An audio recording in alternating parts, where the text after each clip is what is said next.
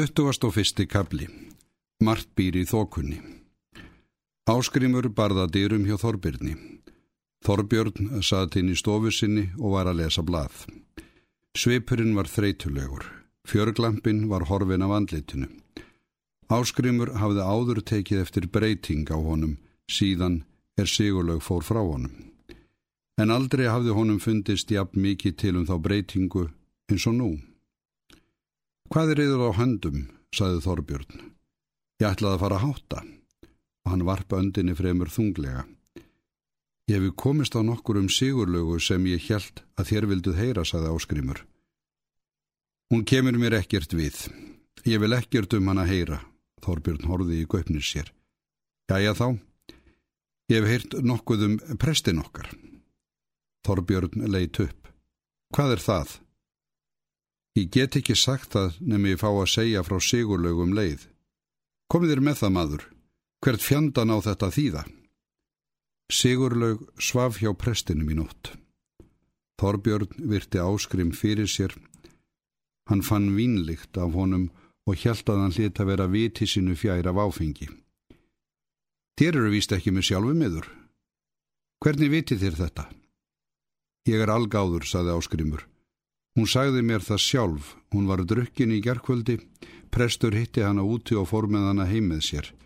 Hún tók ekki annað fram en hún hefði sofið í rúminu hans. Ég spurði ekki um meira, en við skiljum nú annað eins. Þorbjörn reyfði sig ekki á stólnum og leiti ekki upp. Dálitla stund þægði hann. Áskrými var andum að sjá hver áhrifin yrðu.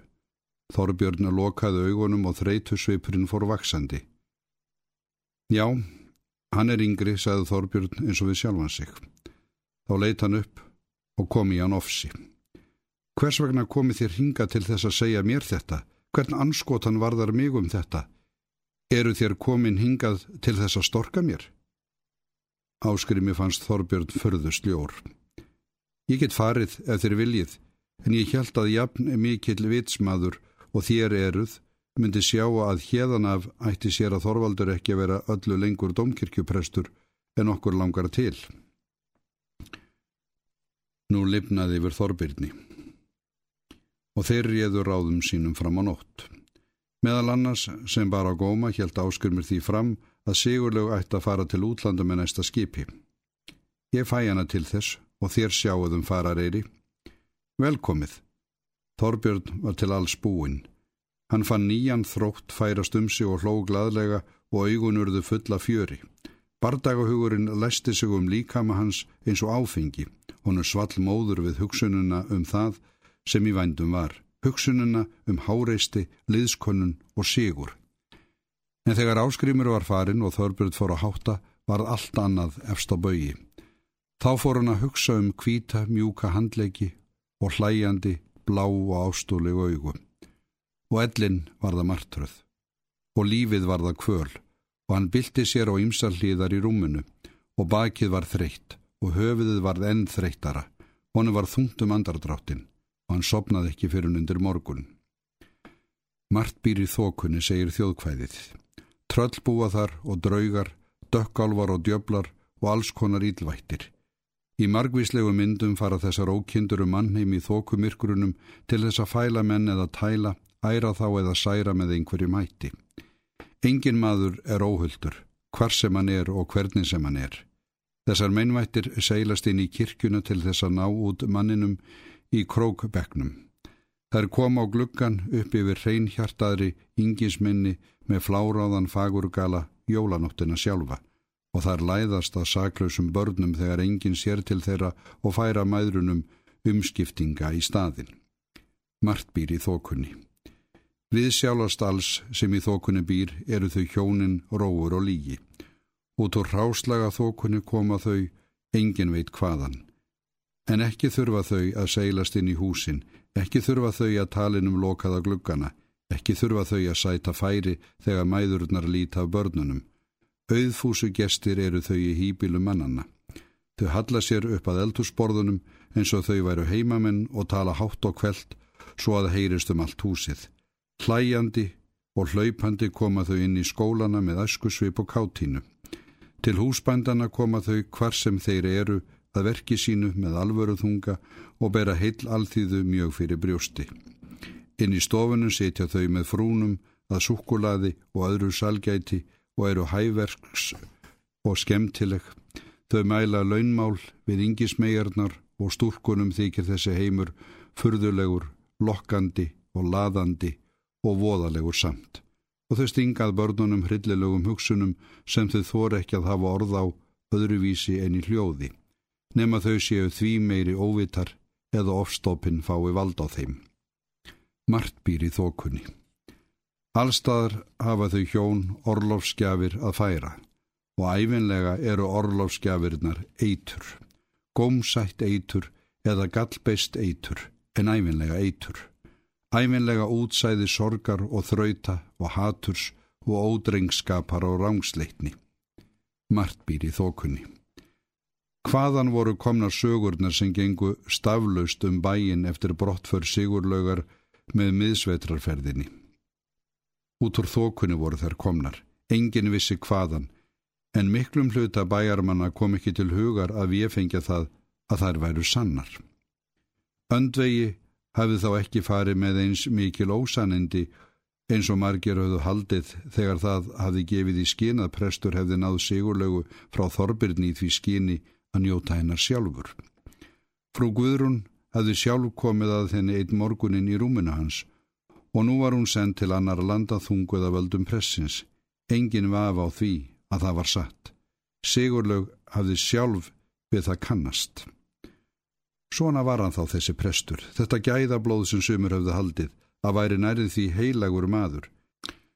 En svo mildi að öndvegi skildi hafa fengið því afstýrt að bestu stúlkur bæjarins gengu í félag með honum og kæmust í klærnar á honum. Jáframt mögnuðust aðran nexlanir sem höfðu verið veigalitlar fram að þessu. Nú voru eirun opinn og hýirnir næmir. Sumir vissu að prestur var í raun og veru katholskur. Hann hefði jafnvel reynd að snúa einu manni úr sapnaðastjórninni til Páavillu. Aðrir vissu að hann var andatrúar maður, hafði komið á fundi þeirra pilta í Englandi og Ameríku. Og þeir menn hafa mög við ídla anda. Prestur hafði sjálfur kannast við þann óguðuleik. En aðrir vissu að hann trúði yngu. Það var í raun og veru auðheirt á ræðum hans. Sumur hlóu, skemmtilegri og skringilegri skrýpaleik höfð þeir aldrei hyrt getið um en þann að slíkur maður skildi hafa orði prestur domkirkjusafnaðarins. Sægur af skopkvæðum um prest var prentaður í prentsmiði öndvegis og söm þeirra voru jafnframt prentuð í blaðinu. Drengir voru sendir með þau út um bæin. Viljið þeir kaupa kvæðið um prestin og sigurlegu og Marju mei? Viljið þeir kaupa kvæðið um prestmóðurina afturgengnu? Fólk komst ekki áfram á götunni fyrir þessari sölugræðiki. Flestir keiftu. En þegar einhver hafnaði bóðinu veittu drengirnir honum eftirför. Æjú, kaupið þér það maður. Kaupið þér það fyrir mig. Það er svo dæmölust gaman að því. Það kostar ekki nema fimm öyra.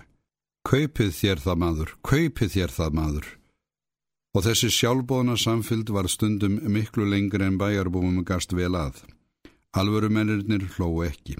Þeir fyltust gremmi og reyði og fyrirlitning. Víðast hvar þar sem prestur kom var þann var einhverja fáleika.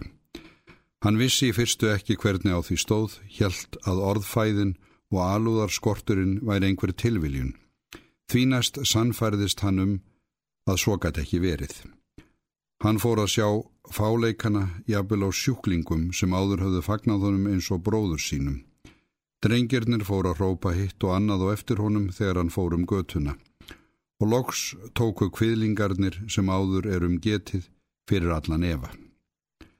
Þeir sem kunnugur voru í bænum vissu að nú var orðið sæmilega eldfim þar. Það vissu öndvi ekki síður en aðrir og einn daginn kom það með íkveikjublísin. Það flutti þá réttstjórnargrein sem byrjað á mikilvægi kristnindómsins og því ómetalega gagni sem mannkinnið hafði af honum haft. Það væri hinn mesti voði ef þjóðin færi að fá óvirðing á honum.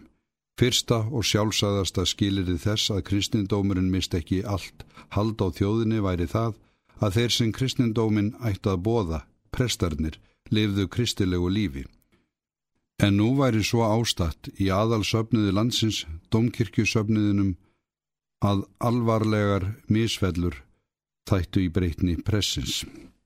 Margir hinn að bestu manna safnaðarins væru sannfærður um að þeirri breytni væri alls ekki bót mælandi.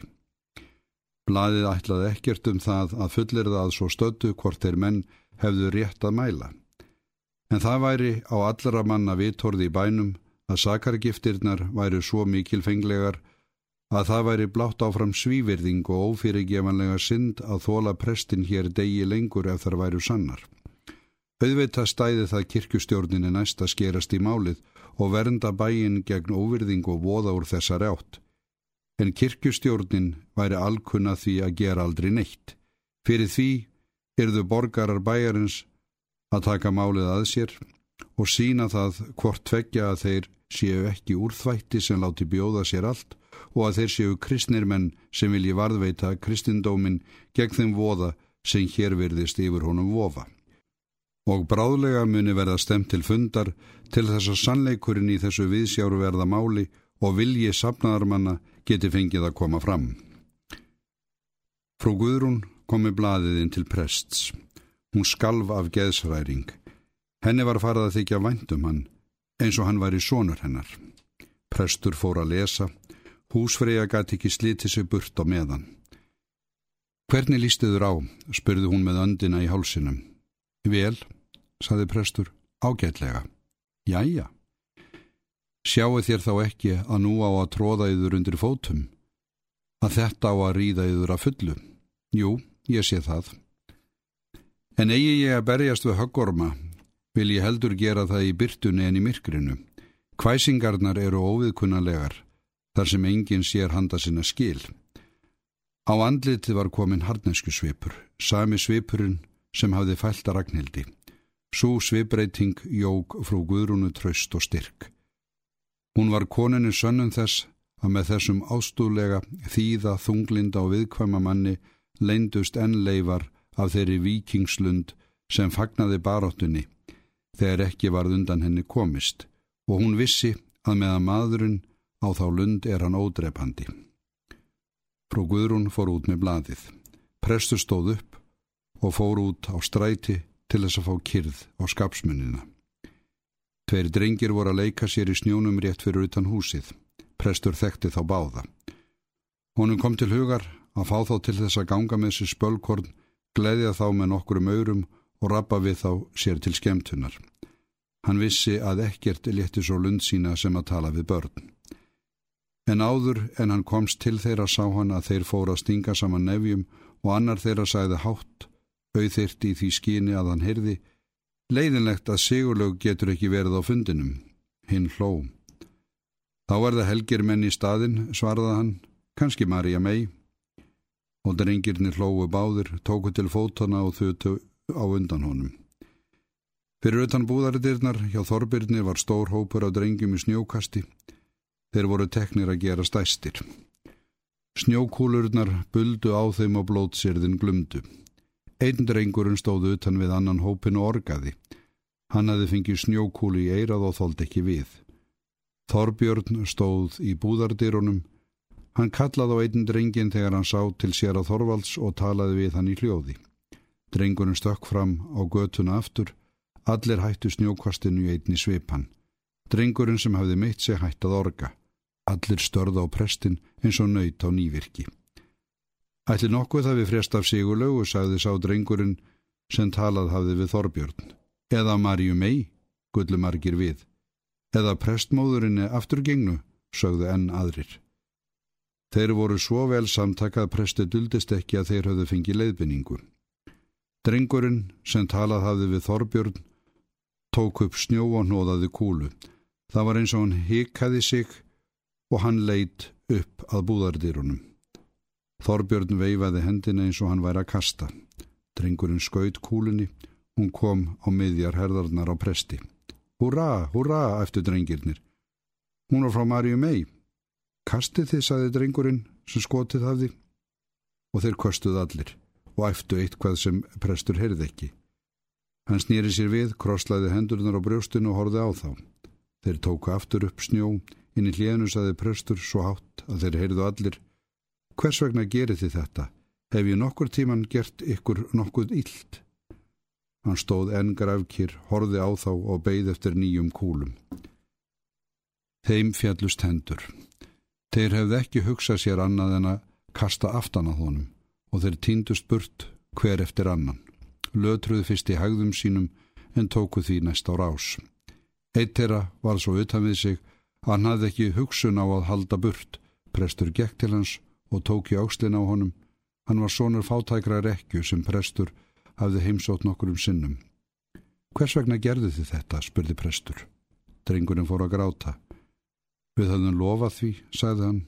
Verð ekki að gráta, sagði prestur og klappaði á kollin á honum. Hann tók byttu sínu upp úr vasa sínum. Þar var ekki annað en tíu krónar seðil. Hann rétti drengnum seðilinn. Færðu henni mömmuðinni þetta og vertu ekki að gráta og lofaðu aldrei nokkru mann að gera það sem ljótt er. Og týndu nú ekki seðlinum. Drengurinn hafði ekki ræna og að þakka. Hann þauði áttunum til heimilinsins eins og kolvi væri skotið. Prestur held áfram göngu sinni.